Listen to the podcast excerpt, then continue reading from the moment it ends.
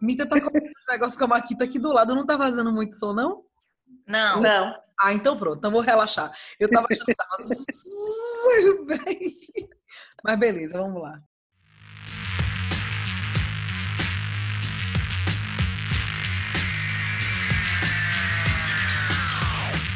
Oi, meu povo! Aqui é o podcast para não pirar nessa quarentena. Eita, pega! Michele Mansur aqui virando uma garrafa. Achei que era cerveja. Não era? Não é água. É o que isso?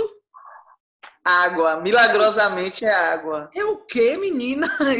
Se dependesse de mim, eu ia ficar embriagada todos os dias dessa quarentena. Pronto, Mas- gente. O episódio da quarentena está aí na lata de vocês. Ponto. Informamos que morremos, mas passamos bem. Sumimos, desaparecemos por motivo de que a gente achou que ia ser só 15 diazinhos. E estamos aí, né? Quase três meses, mas estamos de volta. É, agora gravando à distância, e por isso talvez você ache que a qualidade do som vai estar uma merda. Mas é o que tem pra hoje. Continue amando a gente. Gravar em casa tem as suas vantagens, não é mesmo?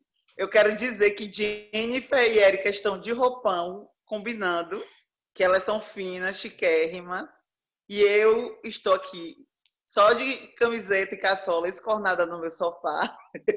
em casa, naquele friozinho que hoje decidiu invernar, como dizem. E aí eu estou bem de roupão, porque é praticamente a minha farda de quarentena. quando, não- quando o solzinho não bate assim na janela, eu tô de roupão. Amo. Jenny é muito chique, gente, é muito fina. Maravilhosa. Eu boto as roupas de sair, mas aí eu posso ficar assim, gente. Eu boto a camisa e fico sem os shorts, sem as, fico só de caçola. Não... Ah, Aí fica mais de boa, entendeu? Então, na verdade, assim, é um uma pseudo-normalidade. Da cintura para cima, eu estou com roupa de sair, da cintura para baixo, eu estou em casa. Eu estou no modo, é isso aí, em casa. Home office! Home office é isso, gente, é isso. Você guariba a parte do tronco para cima. E as É pernas tá de boa, você tá só de caçola. Ó, aí o outro, Trio! o outro foi crescendo, eu tô de cueca. Arrasou. Então vamos pular, vamos direto ao assunto. Perrengues da quarentena. Quem nunca? Eu acho Quem que como o? Jenny tá muito quietinha, a gente tinha que começar perguntando logo, era pra ela, galera. Bote na roda aí, jogue um perrengue seu nessa quarentena. rapaz, o meu perrengue de quarentena é eu ser obrigada a ir pra rua. Que as pessoas ainda não, não se deram conta. Que não é para ficar se esbarrando. Aí a gente evita se esbarrar, fica ali aquele que a pessoa fica um desviando do outro. Deixa eu contar só um Tá perrengue, galera. Um que eu lembrei aqui agora. Eis que ontem eu fui à padaria aqui do meu bairro, que é o mesmo bairro de Jenny, por sinal. Eu tô evitando, viu, galera? Eu fico fazendo cuscuz, coisa assim, pra, é, farofão pros meninos de noite, de manhã, não sei o que lá. Evitando. Mas duas vezes na semana eu vou na padaria e compro uma quantidade maior de pão. E mercado só uma vez na semana. E olhe lá, se eu conseguir evitar, melhor ainda deixar para 10 dias, eu tô fazendo assim. Mas beleza. Eis que cheguei na padaria do nosso bairro. Quem estava sentado? Quem, quem, quem estava sentado? Tem um, um negócio assim, um, um- tipo um banquinho assim adaptado. Uma figura que viralizou no WhatsApp de Tabuna 15 dias atrás. É uma figura que mora na minha rua. é uma pessoa assim. Infelizmente, ele é usuário de drogas e tal. Mas, velho, esse cara viralizou no WhatsApp como uma pessoa que estava infectado e, tal, e não queria ir para o hospital. Ele estava com falta de ar, não sei o quê. E pedindo para a galera do poder público vir aqui levá-lo à força. Lá, lá, lá, lá, lá. Velho, foi, foi um furdúncio. E a questão é, ele é uma figura que gosta de atenção, certo? Então ele estava amando o bairro inteiro, mobilizado, querendo interná-lo à força. Ele estava adorando isso, ele tossia para cima das pessoas. Ele fazia, eu não consigo respirar. E todo mundo acreditando, velho. Meu Deus, eu acho que eu tô com febre. Todo mundo acreditando nessa criatura.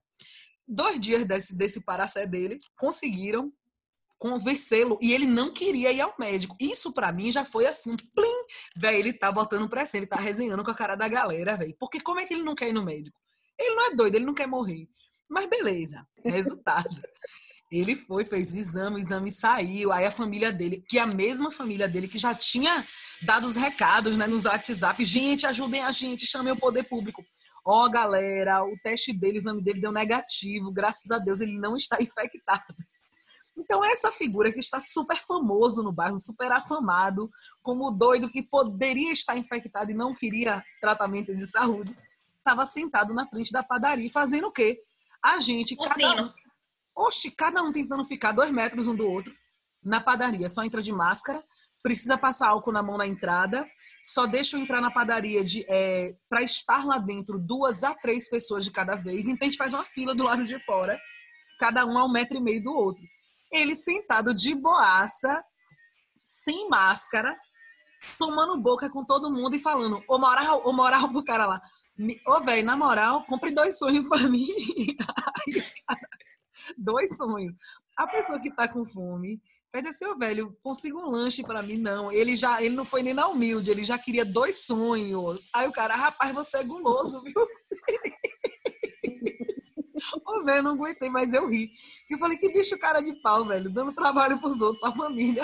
Ainda fica aqui agora, resenhando, sem máscara, sentado de boa, todo mundo aqui na fila com cara de bunda e ele pedindo dois sonhos. Sem máscara ele tava? Sem máscara. Sem máscara. Fia. Pra ele tá assim, ah, tá todo mundo se cuidando, eu tô aqui de boa, sou vida louca. Ô, velho, Ó, mas... bicho, eu vou dizer uma coisa. Eu achei graça nisso, mas eu achei. Mas é um perrengue de você olhar e falar assim, meu Deus, será que é esse doido que vai infectar o bairro inteiro agora? o cara tá aí sem máscara, velho, tomando boca com todo mundo. Ninguém merece. Passei ali na Avenida Kennedy hoje. Vou deixar logo a denúncia aqui. Tinha um boteco ali na esquina, perto do Rubens Bar, boteco aberto. Dois caras obesos sem máscara. Eu estou citando que eles eram obesos, porque a gente sabe que obesidade principalmente não é só um sobrepeso, a obesidade em si acaba sendo colocando a pessoa no grupo de risco. Os dois sem máscara, é. sentado comendo água, velho, e uma mulher também sem máscara. E uma galera passando, eu falei, gente, esse boteco tá aberto aqui como mesmo? O povo não tem juízo não, vigia, minha gente. Espera só o carro da Guarda Municipal de Tabuna com a morte do coronavírus passar na porta para você ver. Mas isso foi hoje, cerca... hoje é um, é um domingo, mas, gente. O povo não tá com medo não, mas o povo já perdeu medo. Velho, vamos falar real. Itabuna já passou de 500 casos. Ontem saiu o boletim, tinha 510, 510 casos de pessoas infectadas aqui em Itabuna, tirando subnotificação. E 15 mortes. E ainda tem gente que fica na esquina, no boteco. Tomando, uma cerveja. na moral, velho. Isso era uma hora da tarde. Aqui em Barbosa tem um boteco que ficava aberto, que a galera tá. que o boteco é pequenininho. Eles estão abrindo uma portinha e deixando um corredor só aberto e atendendo a galera. E a galera comendo água lá, de, sem máscara, tudo amontoado. Eu não sei se esse povo pensa que eles são Superman, que se eles são. Tem, eu acho que tem gente que, assim, a gente está dois meses na quarentena, trancado dentro de casa, a vida parada, um monte de gente morta.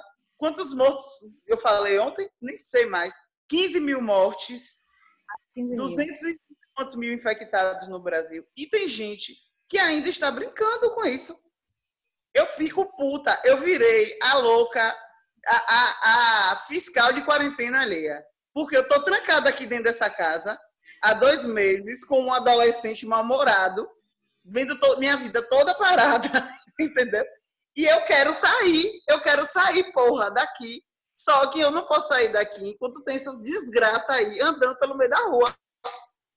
E, e o povo não se tocou que enquanto a gente continuar furando a quarentena, a gente vai continuar preso aqui dentro dessa porra dessa casa. Aí fica Olha. fazendo barulho, pressionando para abrir comércio, para abrir isso, para abrir aquilo, mas não entende que quanto mais tempo ficar a gente ficar na rua, pior vai ser. Entendeu? Pois é. E eu queria ah, dizer que se tá ruim, Michele, se tá ruim para você com adolescente mal-humorado, eu quero que você saiba que pior tá para Caetano, com Paula Lavigne pedindo para ele fazer live. Tá. tá. Eu, se eu fosse Caetano, eu tinha saído daquela casa escondido. de manhã, eu não estava mais lá. Velho, não dá, não dá, não dá, não dá, não dá, não dá. Ele vai surtar ou ele vai... Ele também, velho. Não vou mentir, ele tá coitado. Tem uma foto que ele tá assim, ó, na varanda meditando, e, tipo, e, e, e é, não é uma foto, é um vídeo. E ela dizendo, faz não sei o que, e ele assim, ó, olhando pra ela com um olhar fulminante, tipo, vou te matar, desgraça. Ô, velho, realmente, realmente, eu acho que até tem hora que a pessoa só quer dormir, velho. Assim, fica preparando live, preparando nada, porque para ele a live é um trabalho também, né? A, é, gente, a gente, a gente, muito trabalho, né? mortais, a gente vai fazer uma livezinha, tipo, poxa, uma diversão, né? Fazer uma coisa diferente. Pra ele, velho, é tipo, pô, velho, é mesmo. É, mas agora eu vou, eu vou ser a Paula Lavinha aqui de casa, porque parece que vai rolar uma live. Aí, live solar. Uma live. Eu vou ser a Paula Lavinha aqui de casa, com meu esposinho. Arrasou. Vai rolar uma live? Aproveite. Sair da sua casa? Tem que rolar, Michelle Mansur. Olha a cara dela. Quero. Fiquei feliz com a Vamos notícia. Ver. Vamos ver o que Jesus prepara. Inclusive, eu quero saber, você tá aí com esse seu marido, que é uma lindeza de pessoa, com esse seu dog, que é um troço trem fofo da pega. Você é uma pessoa sem problemas, não é, Erika Cotrim? Não há perrengues, tá tudo Sim, maravilhoso. É. Ela só faz rir, gente. Vocês tinham que ver a cara agora. Conte Nenhum aí problema. Gente, vá pra gente rir um pouquinho. Nenhum problema, né? Na realidade, tá tudo ótimo. Falando sério, falando bem sério mesmo. É... A gente ontem, antes de gravar aqui, a gente estava conversando sobre, inclusive, sobre o termo perrengue, né? Porque assim, porque nós somos todas muito privilegiadas. O que a gente está passando de do que seria um perrengue, perto do que tem muito mais gente sofrendo com, com fome e tal, é nada. É assim, é o que eu sinto de, de, de tipo de ah, que para mim é complicado em casa é a questão de de fato ter que ficar em casa. Então, por exemplo, algumas coisas do meu trabalho estão estão atrasando. É... que mais? eu trabalho com, com empresas, né? Então, tipo, com microempresas. No começo da quarentena, para mim, foi um susto. É, e deu muito medo, assim, porque eu trabalho é, sendo agência de pequenas empresas e a gente perdeu muitos clientes de uma vez. Foi uma situação na economia que não tinha ninguém preparado. Não tinha ninguém preparado. Assim, se você parar para pensar, as maiores empresas que você conseguir imaginar estão passando perrengue, você imagina essas que vocês acham que são grandes aqui em Itabuna. Ou, ou imagine as pequenas empresas mesmo. Então, assim, nesse aspecto foi, foi um baque, assim. Mas, é, o que, que é isso comparado as pessoas que estão com fome, as pessoas que não, sabe, que não tem, que estão amontoadas numa casa, sabe? Graças a Deus a, é, é, a gente, eu moro com meu esposo, tá, a gente está aqui, eu tô quarentenada real oficial, eu não saio para, sei lá, quase nada. Se eu sair nessa quarentena nesses três meses, quatro vezes de casa, foi muito, assim, foi tipo para levar ravioli no veterinário, para ir no mercado eu tive que acompanhar uma gravação de um cliente, mas naquele esquema todo mundo de máscara, equipe reduzida. E só assim, quem tá saindo mesmo é meu esposo, porque ele ainda tá trabalhando. Meu esposo é profissional de saúde, então ele, ele ainda trabalha, né? É... E assim, é uma preocupação. É uma preocupação o tempo inteiro com ele, com, com amigos, com, com todo mundo, sabe? Porque a situação não tá boa, não tá boa mesmo, assim. É, emocionalmente, eu achei que eu fosse estar pior, eu achei que eu fosse ficar pior mesmo, porque todo mundo sabe, todo mundo, é muita gente, né? Mas a maior parte das pessoas que ouvem a gente, ou que são amigos da gente, sabem que eu tenho um transtorno de ansiedade. E emocionalmente, é, eu achei que eu fosse ficar pior, mas eu tô medicada mesmo. é, continuo fazendo terapia online e eu acho que o fato de ter morado no meio do mato por quatro anos da minha vida e ter ficado isolada socialmente durante quatro anos da minha vida, de segunda a sexta-feira, estão ajudando bastante. Minha rotina não teve grandes quebras, porque eu continuo fazendo home office, enfim, mas é... o que, é que mudou nisso? Agora a gente lava saco de arroz, né? Vamos parar para pensar? Quando é que você imaginou na sua vida que você ia ter que limpar todas as sacolas que chegam da sua feira? Quando é que... Assim, tipo aqui em casa mesmo, como o João trabalha ainda, é todo um rolê quando ele chega em casa, sabe? Tipo, é um rolê para ele tirar a roupa antes de entrar em casa, tirar sapato, aí limpar. Aí ele entra sem falar com ninguém, sem me cumprimentar, sem cumprimentar a ravioli, e aí entra direto, e aí toma banho, sai, aí, sabe? Tipo, é um, um negócio assim que a gente. E o que é doido é que no começo era super estranho, e agora é normal. É rotina. Virou um hábito, sabe? É, É, virou uma rotina, e, e é esquisito isso, sabe? Mas. Sabe o que é pior pra mim, amiga? Que eu senti mesmo, que eu nem sabia que eu era tão apegada a abraço, velho. Mas, por exemplo, a Michelle, um dia desses, fez um bolo, velho. Obrigada, poxa! Ela fez um bolo, meus filhos amam. E eu tô trabalhando aceleradíssimo, né? Que eu sou professora, enfim. E Michel, sabendo disso, na sua generosidade, fez um bolo e fez um antepasto de berinjela. Eu tenho que falar assim, porque para vocês perceberem o quanto é chique, meus amores. Um antepasto de berinjela. Aí ela falou: Oi, prima, tá pronta que vem aqui buscar. Botei máscara, tudo aquela. A onda toda do rolê de sair, né? E fui buscar. Na hora que eu vi Michelle, a primeira coisa é assim: dá uma. Ai, oh, não pode. Não pode. Pega, É. da mão, pega da mão dela, fala, obrigada, viu? Eu falei, gente, eu não sei fazer É. isso, não. Hoje, hoje Brisa teve aqui para deixar um violão para João.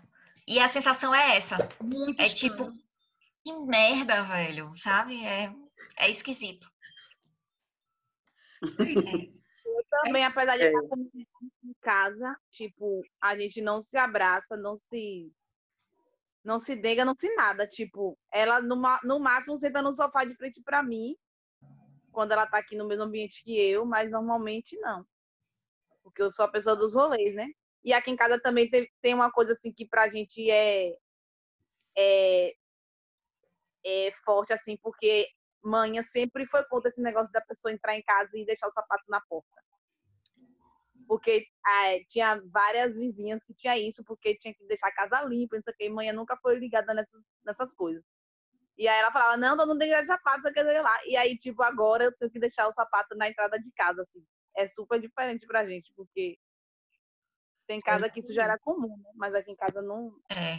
é algo Aqui bem... cada um tem, um, tem Aqui uma em casa sandália também. de sair, a sandália de casa mesmo, amiga, desse jeito. Fica É. na porta no capacho já. Se for sair, bota a san- a sandália que tá do lado de fora. Ah, não, não. Aqui em casa nunca teve isso, não. A gente entrava com sapato mesmo. Não, É- é- é isso. agora, por causa do Covid. Agora que É. tá essa história da sandália ali na É. porta. Agora, o que é que vocês acham que as pessoas não conseguem ainda? Não conseguem, tipo, na verdade, eu acho que no início teve, teve uma fiscalização um pouquinho maior, assim. Teve uma fiscalização e teve também é, a aderência das pessoas. E aí, com o decorrer da, da pandemia, é, as pessoas acho que não sei se foram ficando estafadas com o fato de estarem em casa ou muito preocupadas com a vida delas lá fora e que esse e que esse isolamento foi se reduzindo, né? Vocês acham que isso é, é devido a quê? Eu acho que as duas coisas. E aí a gente ainda tem um problema gigantesco tem chamado várias Bolsonaro. coisas, na verdade. Tem várias coisas, na verdade. É. Primeiro, eu acho que primeiro, de, de início, a gente não é, não caiu a ficha logo. A gente- acho que a gente demorou para cair a Foi. ficha. Para mim mesmo, assim, porque assim for- foram muitas coisas acontecendo, né? Tipo, a gente estava falando ontem, como foi que a gente parou de gravar? tererê? A gente parou. A última vez que a gente gravou foi na véspera, nas vésperas do carnaval. Aí teve o carnaval. Depois do carnaval, passou, um- acho que uma semana já veio logo essa parada. Uma, uma semana ou duas semanas depois. Chegou o primeiro caso, e assim, chegou o primeiro caso e a gente ainda estava assim. A gente ainda estava tipo, não vamos gravar, mas não vamos falar sobre quarentena, porque eu não é, aguento mais. Não, não, não vamos falar sobre isso, gente... não. É. Né? Então, assim, primeiro, primeiro isso demorou de cair a ficha e de, de entender que é uma doença grave mesmo, que o índice de mortalidade é alto, né? De, de, de contaminação é altíssimo. Então, a primeira coisa, eu acho que foi isso. A segunda coisa é que o poder público, né, do âmbito federal, levou e ainda leva, estamos falando de Bolsonaro, precisamente, do presidente, aquele escroto. Filho da puta, micróbio, bactéria, filha da velho, puta, micróbio do caralho. É, não tem como falar daquele, daquele verme do caralho sem xingar, não tem como. Eu acho que quem ouve a gente já sabe o posicionamento político da gente então, a gente não precisa ter né, dedos para poder falar aqui que a gente é, ele não, ele nunca, nunca foi e acabou. Então, assim, não dá para é, não levar em consideração de que a forma que o poder público se comporta não vai afetar as outras pessoas. Porque tem gente que não tem acesso à informação, que a informação deveria chegar pela TV, pelas, né, pelas as, as vias oficiais. E as vias oficiais dizem que está tudo bem, que, que é só. No início da pandemia, o presidente falou que era apenas uma gripezinha. E, e, e depois disso, ele já participou de eventos, de carreatas, já esteve em contato com o povo. Como já limpou isso, o nariz e pegou na mão dos outros. Né? Tossiu em cima do povo. Então, tem os apoiadores que continuam fazendo é, aglomerações em apoio ao presidente. Então, assim, tem isso. Ô, amiga, isso. deixa eu só fazer um parêntese, só porque você falou das aglomerações. É que eu acho engraçado que as aglomerações deles são dentro dos carros com ar-condicionado, fazendo é... carreata em prol dos funcionários deles voltarem a trabalhar no comércio, atendendo as pessoas no balcão. Curioso, não é mesmo? Uma coisa não assim, é mesmo? Eu, eu, acho, não é, gente, algo a se refletir. Poxa, a pessoa fazer uma carreata dentro do seu carro com janela fechada, ar ligado, pedindo que se autorize que as outras pessoas vão atender diretamente. vão arriscar a vida deles para o seu comércio ir para frente. Pois é. E dos então, seus familiares, né? Que é como o Gene estava falando. Às vezes eu não sou grupo de risco, mas eu convivo com a minha mãe, com a minha avó, com né, com meu vizinho, com, com pessoas que vão estar próximas de mim. E que, velho, o buraco é mais embaixo. Né? Pois é. Para mim, o buraco é muito mais embaixo, porque eu sou do grupo de risco, porque eu sou hipertensa. E meu filho, que, que mora comigo, é de grupo de risco altíssimo. Vocês viram ontem, eu mandei a foto para vocês de todo o meu perrengue da ida ao mercado, né? O que é que viram aí do mercado para mim? Higienizar todas as coisas que entram aqui, todas as sacolas, entrar aqui praticamente nua, tirar a, porta, a roupa na porta de casa, depois na hora de higienizar, eu coloco uma máscara para poder mexer naquilo que eu estou higienizando. Porque eu não posso pegar isso de forma alguma. Porque meu filho tem uma doença cardíaca grave e se ele pegar, ele não sobrevive. Então, para mim, o buraco é muito mais embaixo. Eu vivo. Eu, eu, eu, até brinco com vocês. Todo dia eu acho que eu tô com uma, um sintoma do coronga. Todo dia eu tô com alguma coisa, né? Eu, ah, eu tô com a garganta inflamada, eu tô com não sei o quê. Porque, velho, é, é, é, desesperador você imaginar que você vai pegar uma doença dessa e a gente não sabe. Porque em cada organismo a doença se desenvolve de uma maneira, né? Os estudos ainda são pouquíssimos sobre a doença. Ainda não tem uma previsão de uma vacina, apesar dos estudos, mas e as pessoas ainda continuam brincando, né? E assim, você estava falando do, do das carreatas, né, do povo. Para mim, é, nessa, nessa pandem na pandemia, o que ficou mais evidente foi a luta de classes, a divisão de classes, né? Ficou muito evidente. Enquanto tem gente que está fazendo carreata de máscara para os seus é, funcionários voltarem a trabalhar e arriscarem suas próprias vidas, tem gente que está arriscando a própria vida nas filas de, de banco, e de casa lotérica, esperando um auxílio emergencial que nunca pra sai. Comer. Para comer. Para comer. Para comer. As pessoas que são em casa, fazendo home office, nananã, mas com medo de que a qualquer momento Ô, amiga. o salário seja cortado. Eu Os conheço. professores, diga aí, Brizoca, como é que tá a vida de professor? Ai, ai. Fala. Acho que a gente pode fazer um momento de desabafar. apenas para o ensino remoto, porque assim, né, não pode não é ensino à distância, não é. Se você falar que é AD, não é. É- a escola é presencial, é proibido. Ó, velho, é uns para ser, é uns para ser. Que só a gente fazendo um episódio.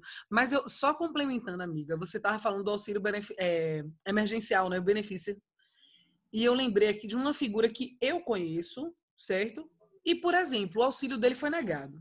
Aí por que foi negado? Porque em 2018 a pessoa teve rendimentos acima de 28 mil reais no ano. Acontece que no momento a pessoa está desempregada. E aí? Quer dizer, em 2018 ele tinha uma outra realidade. Em 2018 ele fez lá seu imposto de renda, barará, declarou tudo. Mas agora ele está desempregado, velho. E aí? Não foi negado. Morre de fome. Enquanto isso, não sei quantos mil militares, né, Ô, querida, receberam auxílio emergencial. A família presidencial, que se acha a família imperial, parece que é o império brasileiro agora na cabeça deles, que eles, É eles Estado acham absolutista é um Bolsonaro. fia. É negócio de quatro anos. Esse povo tá achando que é dono agora da nação. Enquanto isso, em três meses, eles gastaram 4 milhões no, no cartão corporativo.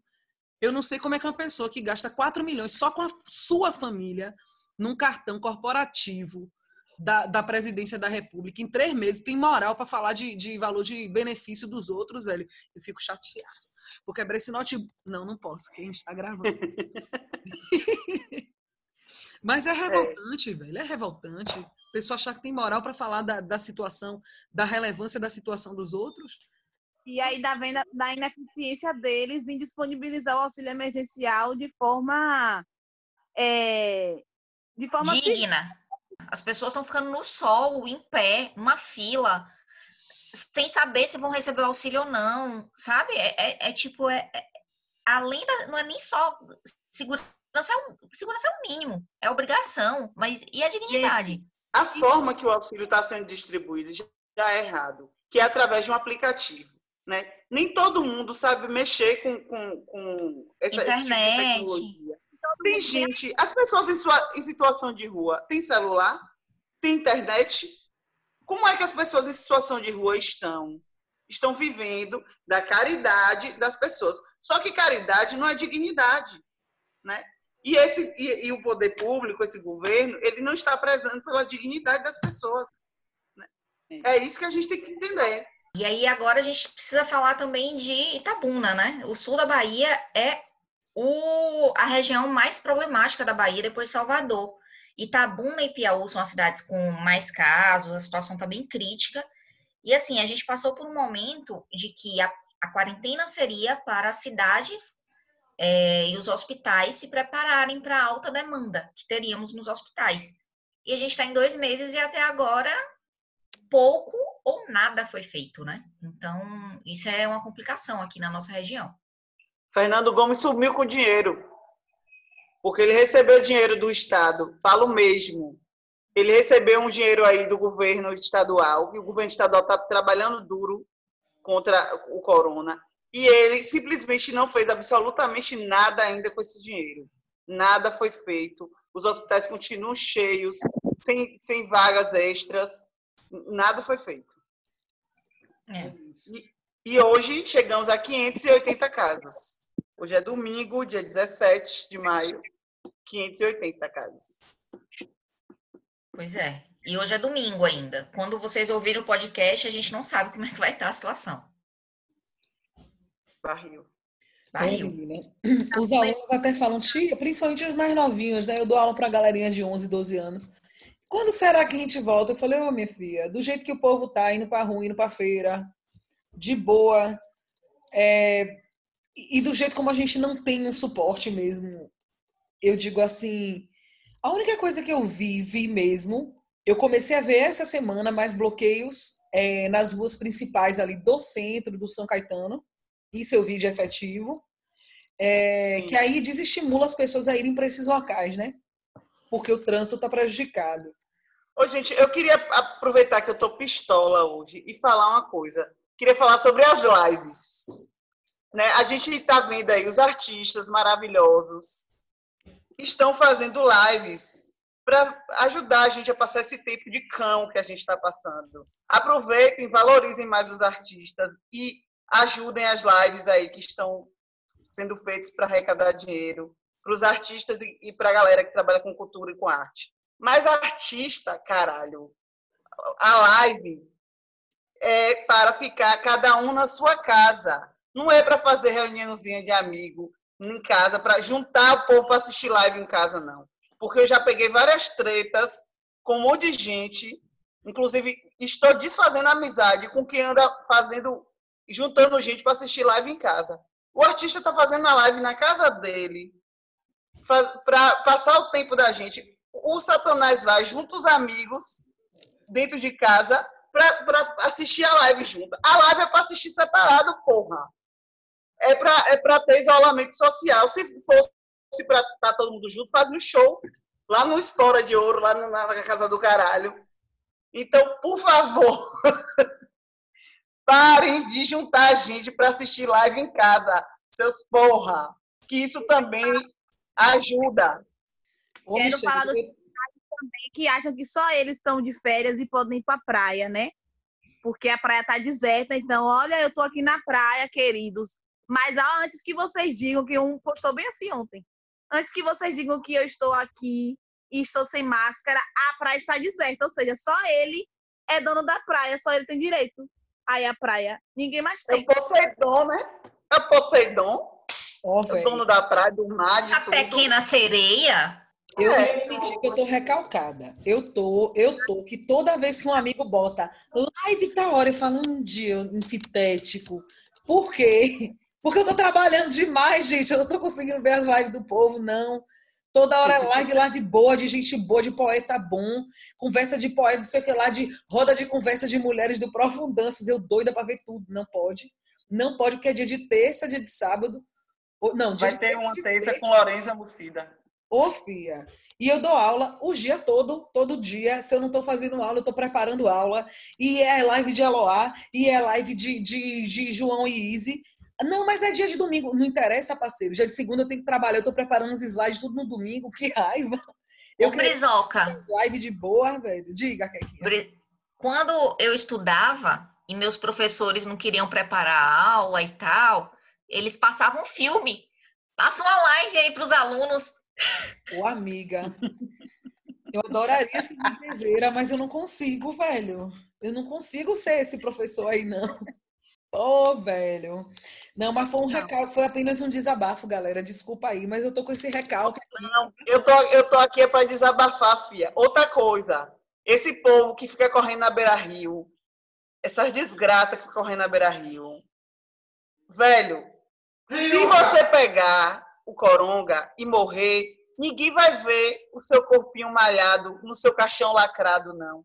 Então pare de correr na beira-rio, porra. Pare de querer ir pra academia. Deixa a beira-rio só para as capivaras. Deixa, Deixa ela ir pros cachorros brincarem com as capivaras. Você viu é que vídeo lindo? Eu vi. Deixa isso. Que porra que esse povo quer ficar correndo na beira-rio? Mas é, é pandemia, minha gente. Vocês não se tocaram ainda, não? A gente está vivendo uma pandemia. Vai procurar o significado disso aí, porra. Tô Bora. retada. Vamos falar de coisa boa? Eu tenho uma coisa boa dessa pandemia. Eu ganhei um novo integrante da família. E o Tobias, the dog. Tô com um cãozinho novo. Vocês viram, Tobias? Teve um outro dia que a gente tava conversando. Ô, gente, ele é dengoso demais, ele é uma delícia. Pense no vira-lata, dengoso, eu estou amando. E aí é isso, uma coisa positiva dessa pandemia é que eu estou podendo curtir os meus dogs, curtir os meus filhos. Inclusive, eu confesso para vocês, eu tenho uma desconfiança, eu não sei se eu já falei isso para vocês. Provavelmente, como é o nome Dona Margarida, Keca? Doutora Margarida. Dona Margarida diria que eu sou provavelmente megalomaníaca, possivelmente narcisista, ao dizer isso que eu vou dizer para vocês. O 7 a 1 do Brasil, a culpa foi minha. A pandemia, provavelmente a culpa é minha também. E eu posso provar. Vocês querem ouvir? Favor. 7x1 foi o seguinte: o 7x1 acho que eu até já comentei com vocês. O 7x1, no dia que o Brasil ia jogar com, com a Alemanha, eu peguei meu filho, Vitor, que estava com 3 anos e meio, botei no carro e fui no Itão comprar uns petiscos para assistir o jogo. No mercado, ele fez o quê? Pegava o carrinho, começou a empurrar no vidro o negócio da padaria. O menino pare, o menino pare, o menino pare. O menino estava atentado, que ele não era assim, estava atentado. Aí eu incorporei a dona Sueli, para quem não sabe, é a minha progenitora, e virei para ele e falei assim, ó, entre os dentes, quando chegar em casa, você vai apanhar. Ele, na mesma hora, eu não quero apanhar! Não, chorando no bocão, eu passando vergonha. Só depois disso que eu percebi que eu nunca tinha batido nos meus filhos, gente. Como é que eu digo isso pro menino? E quando a gente promete uma coisa para as crianças, a gente tem que cumprir. Aí eu vim para casa com a dor de cabeça da zorra, velho. E, meu Deus, eu vou ter que bater nessa criança. Eu não quero, eu não quero, eu não quero, eu não quero bater no meu filho. Como é que eu faço? Quando eu botei na garagem, vem Mita. Eu falei, eita, minha salvação é agora. Miter, já piscando, viu, gente? Ô, Miter, ele não tava vendo, tava no banco de trás. Vitinho fez isso, isso, isso, isso. Você acha o quê? Eu falei isso para ele. Você acha o quê? Pensando que ele ia falar, ô, amor perdoe, não, porque aí eu ia mostrar que só porque o pai estava me pedindo, ia dar outra chance. Aí Mita falou: Eu acho que a mãe precisa fazer o que ela acha melhor. que filho da mãe! Não é? Aí eu pensei: Não, como é que eu não me desmoralizo? Peraí. Aí eu falei: Vitor, eu vou te dar uma chance. Você escolhe. Você prefere apanhar ou ficar de castigo? Nenhuma das duas. Aí eu, não, você precisa escolher, porque você fez errado. E mamãe falou que você ia apanhar, agora você vai ter que escolher ele. Apanhar. Eu falei, não, mentira. Apanhar. Ô, oh, velho. Aí vem rodar com sete anos. Não, mamãe, por favor, mamãe. Ele é pequenininho, mamãe. Eu cala a boca, peste, eu já vou ter que bater. Você ainda mente. Entrei no quarto de rodar, peguei um cinto, dei três cintadinhas na bunda dele. Ele, ah! Aí olhou e falou, acabou? Eu falei, acabou. Posso pra praça? Aí eu falei, pô, ele escolheu apanhar do que ficar de castigo. Eu não posso deixar de castigo. Aí eu falei, pode. Aí ele saiu. Eu com a dor de cabeça da porra, liguei a televisão. Brasil e Alemanha. Tome um, tome dois, tome três. No tome quatro eu falei, não, velho, fui eu. Fui eu, porque eu bati no meu filho, a culpa foi minha. Agora, com a pandemia, só para vocês entenderem, depois você manda esse áudio para dona Margarida, viu? Para vocês entenderem meus filhos foram para casa dos meus pais, final de novembro, que minha mãe e meu pai são assim, ficam doidos para estar com os netos, eles moram longe. E aí falou: os meninos estão de férias, eita, vieram buscar meus filhos e levaram embora. Passei dezembro inteiro sem essas crianças.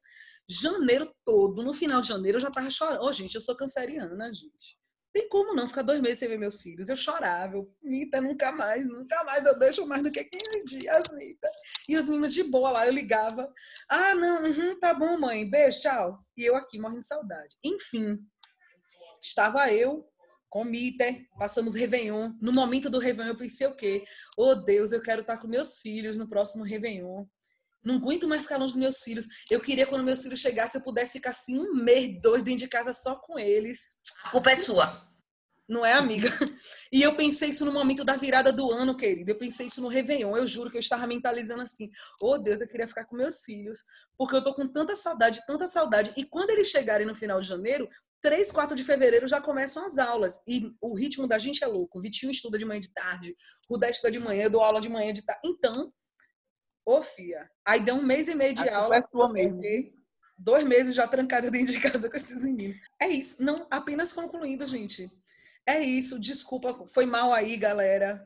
Eu acho que pode ser que eu tenha conclamado um, uma peste, mas não foi minha intenção. E eu, eu vou lançar uma enquete Fia, no Instagram.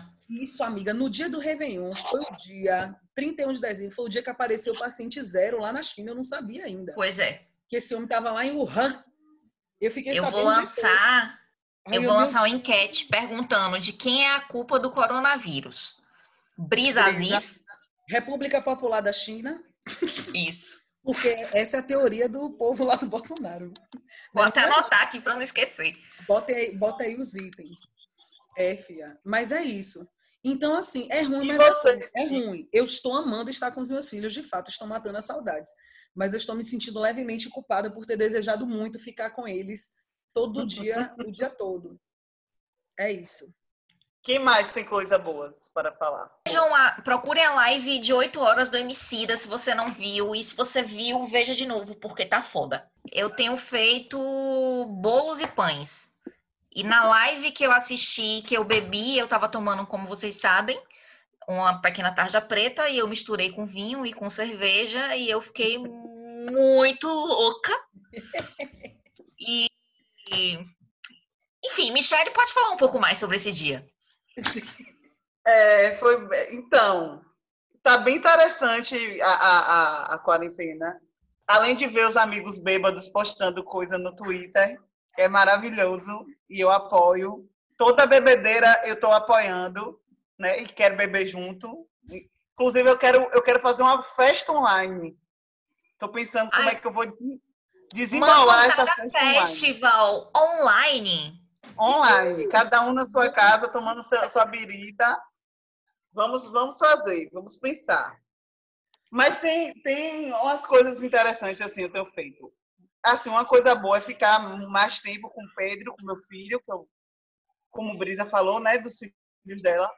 A gente tem a vida corrida, não sei o quê. Aí é parar tudo e você prestar mais atenção nos meninos, prestar mais atenção no- no- nos gostos, ter mais tempo para conversar, isso é muito bom.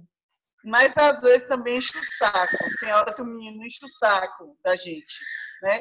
Tem hora que você fala, meu Deus, que vontade de sair, deixar esse menino falando sozinho. Mas não pode, tem que ficar. Eu também tenho feito muitos pães e bolos como queca. Eu virei a louca da cozinha, das compotas, tudo que você pensar aí, eu já fiz um pouco. Eu já fiz de, de geleia de cebola a fricassê de frango, a não sei, é, já fiz de tudo aqui nessa casa. O gás, o gás de cozinha aqui não está durando um mês. Porque eu só fico comendo, comendo, mandando comida para os outros, fazendo comida. Eu preciso cozinhar porque me distrai. Agora, teve uma outra coisa também, tem algumas coisas que têm acontecido legais. Eu acho que por estar isolado, por estar sozinhos, assim, eu estou sozinha com meu filho em casa, então eu fico muito conversando com outras pessoas online e isso tem me aproximado, me reaproximado de algumas pessoas que eu estava distante quando eu podia estar perto.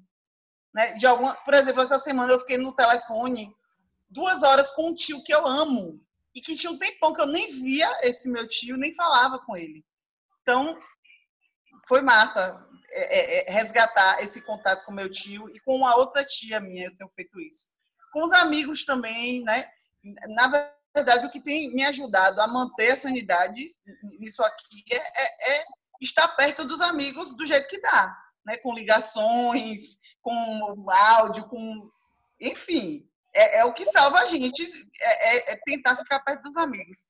E tem uma outra coisa que eu resgatei, que eu gostava muito de fazer, que eu não fazia mais, que é quando, quando eu morava com meu pai, a gente tinha uma, uma dinâmica de debater os livros que a gente lia. A gente lia o mesmo livro e depois a gente debatia. E aí agora, como ele está tendo muito tempo para ler, e eu também, a gente estava lendo o mesmo livro, a gente está lendo os mesmos livros. E aí agora a gente debate os livros, não pessoalmente, óbvio, mas por telefone. Ai, que E, lindo. e tinha, tinha, assim, uns 15 anos que a gente não fazia isso. E eu, a gente resgatou, a gente retomou fazer, fazer isso que eu adorava fazer, que eu adoro fazer com meu pai, né? Tipo um clube de leitura, só eu e meu pai. Que massa. E que eu voltei a fazer, que a gente não fazia mais. Então tem, tem, tem algumas coisas. É muito ruim, né? A gente não pode ficar romantizando isso aqui. A situação é muito ruim, tem um monte de gente morrendo, né? É muito grave o que está acontecendo. Mas a gente, sei lá, a gente tem que dar uma de poliana à moça, como diz minha amiga Daniela Galdino, de vez em quando, e tentar tirar alguma coisa boa disso. Então, eu, eu estou me reaproximando, mesmo que, mesmo que por telefone, pela internet, de algumas pessoas que eu estava muito distante mesmo. E isso tem me feito muito bem. Ficar falando com vocês, né, velho? Que vocês me salvam muitas vezes. Uma salva a outra. Então vá, Brizoca, conte aí o que, que você quer Pronto. falar. Eu vou trazer para a gente uma citação do filósofo Sêneca, que quem me passou essa citação foi o meu filho Rudá, e eu amei. Beijos, filho. Ele está fazendo 13 anos agora, no último dia de maio. E é isso aí. Rudá deu essa letra aqui, ó. Apressa-te a viver bem e pensa que cada dia é por si só uma vida. Eu acho que casou com a minha quarentena e tomara que case com a da galera aí. Quando a gente estiver naquele astral de, ah, não, velho, cada dia por si só uma vida, bora se apressar a viver bem, em tranquilidade, claro, com segurança, como as meninas estavam dizendo agora. É, não tem nada de, de, de graça, né, pra gente fazer. A situação é grave, é seríssima. Mas esse universo interior que somos, eu e vocês, e cada um de nós, particularmente, é, esse universo interior também precisa de um cuidado, né? Não é só a parte externa, para a gente não ser infectado pela bactéria. Então, se apressar a viver bem é mesmo dentro dessas condições bizarras. É a gente conseguir é, estabelecer qualquer coisa de equilíbrio, qualquer coisa de generosidade, qualquer coisa que é nisso aqui nas relações, o que Michele disse, de eu conseguir falar com pessoas que eu não via, eu, por exemplo, recebi telefonemas de duas tias minhas lá de Salvador, que a gente não se falava ontem pela correria mesmo do dia a dia, mas eu acho que elas estão vendo Itabuna demais no noticiário, me ligaram logo.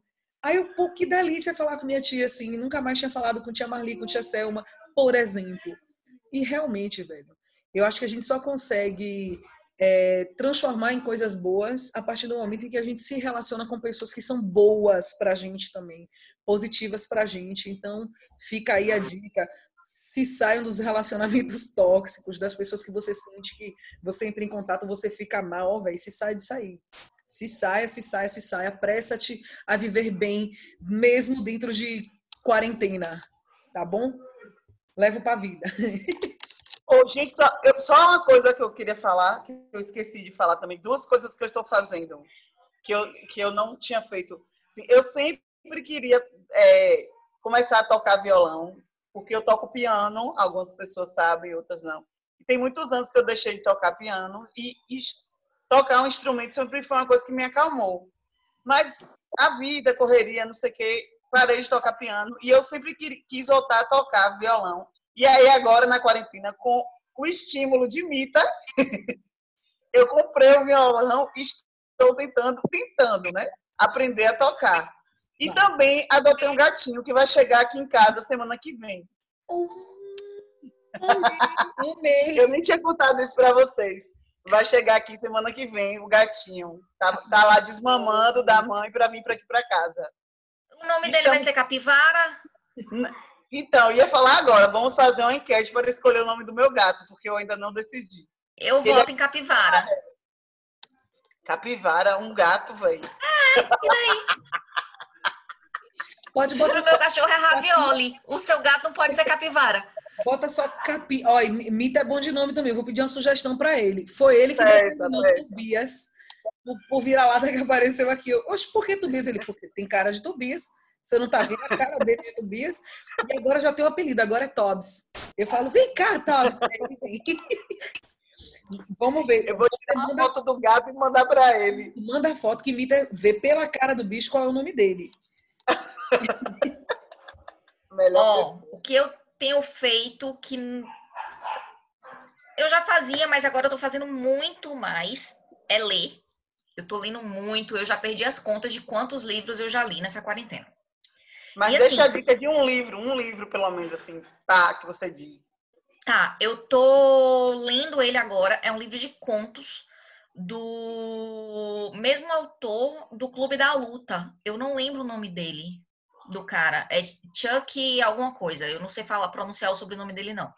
Mas é, é bem legal, eu tô lendo nesse momento, é o que me vem à mente. E assim, e eu tô lendo as coisas mais aleatórias do mundo. Tipo, eu tô lendo de livros sobre comunicação e análise semiótica, a mídia e feminismo, passando por romance estilo Agatha Christie e fantasia da intrínseca, sabe? Tipo, tá bem louco.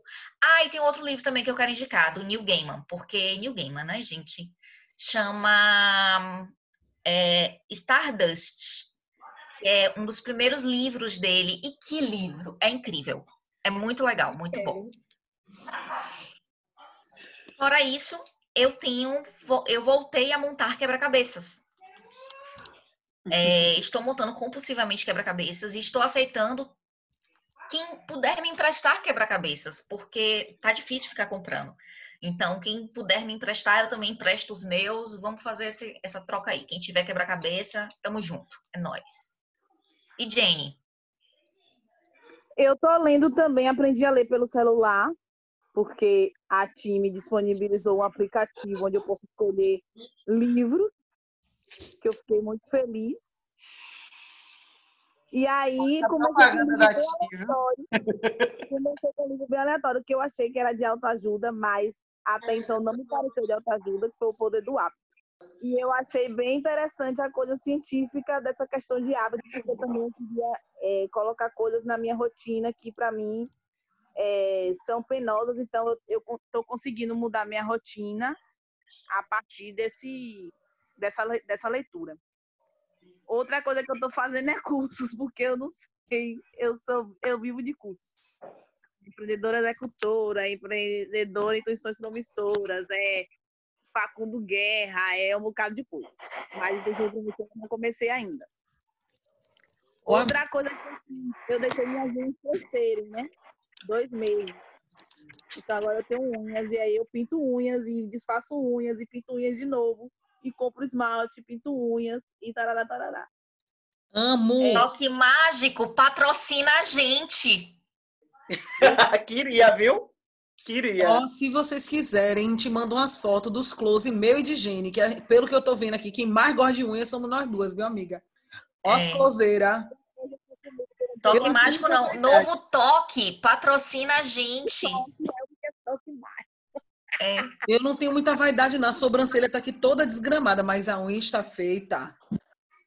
Minha vaidade é essa, eu confesso. E outra coisa que eu. Para mim deixar, porque eu acredito muito na questão de energia e tererê, é me conectar mais espiritualmente. Focada mesmo na espiritualidade aí, das coisas que estão acontecendo, como sair disso, como se manter equilibrado e, e de tirar algo de bom e de ver como, as, como o mundo vai se dirigir daqui em diante, ou como a gente vai conseguir dirigir o mundo daqui em diante. Eu tô relendo o ensaio sobre a cegueira de Ai, Saramago. É, e eu indico muito em tempos de pandemia. Seria assim, tem gente que vai achar que é tortura e tal, mas não. É, Saramago ele faz uma, uma avaliação muito forte, muito profunda da sociedade em momentos de crise, né? Que provoca uma reflexão que a gente precisa fazer agora nesse momento de pandemia. Então acho que seria é uma, é uma excelente leitura em tempos de pandemia, ensaio sobre a cegueira. E também uma série que eu estou assistindo que eu passo o dia inteiro chorando. Quem não quiser chorar, não assista, porque eu amo chorar, amo assistir série e chorar. E é uma série que tem na Amazon, é, como é o nome, Érica? This Is This is us. A professora de inglês me corrija. This is This us. Us. This is us. Isso. Mas eu não assisti ainda, não. Hoje, É linda. This Is Us. É uma É série linda. linda. uma série que me amparou quando eu tava triste, chorando. Em... Ó, gente, a pessoa achei que é outra coisa. Eu estava chorando, triste em Morro de São Paulo. Desculpa por existir. Mês de dezembro, janeiro. triste, chorando, com saudades dos meus filhos. Qual foi a série que eu chorava e falava, não, vou assistir essa série para me dar um conforto emocional. Procure no Netflix, tá? Chamas do Destino. Uma série breguíssima, mas ela é tão gostosinha. São mulheres feministas no começo do século XX, em Paris, a série é francesa, mas, velho, é engraçadíssimo. É, é aquele tipo de série que eu tinha até vergonha de dizer que eu tava assistindo, velho. Porque, tipo, é um novelão. Mas é gostosinha, então fica a recomendação. Quando você estiver no tédio, Chamas do Destino. Pra vocês. Então é isso, galera. A gente voltou e a gente não vai prometer datas, a gente não vai prometer nada, porque é isso. A gente A vive gente uma vai tentar gravar com mais frequência, com a ajuda de vocês também, né? A gente vai Isso. pedir ajuda. Vamos tentar gravar com mais frequência agora que a gente descobriu o canal para fazer isso. E até a próxima. Eu quero mandar um beijo para um ouvinte antes, calma. Eu quero mandar um Ah, beijo para. Tati, que não deixou a gente quieta enquanto a gente não gravou esse episódio. Nath, este episódio é seu, é pra você. Nath Yara, inclusive, estava em Morro de São Paulo comigo no Réveillon, bebê. Ela viu meu pedido subindo para as estrelas. Ela sentiu essa vibe. É isso aí. Nath, este É, episódio é, Nath seu. realmente. Nath não só, não só pediu várias vezes para a gente voltar a gravar, como Nath foi procurar saber um recurso para a gente gravar e tal. Então, realmente, esse episódio é de Nath. É isso aí. É Como Beijo. eu Senhora do Destino, te dedico, parceiro. É isso. Beijo. Beijos. Então, Até a próxima. beijos. Beijo. Até a próxima. Tchau, tchau. Tchau.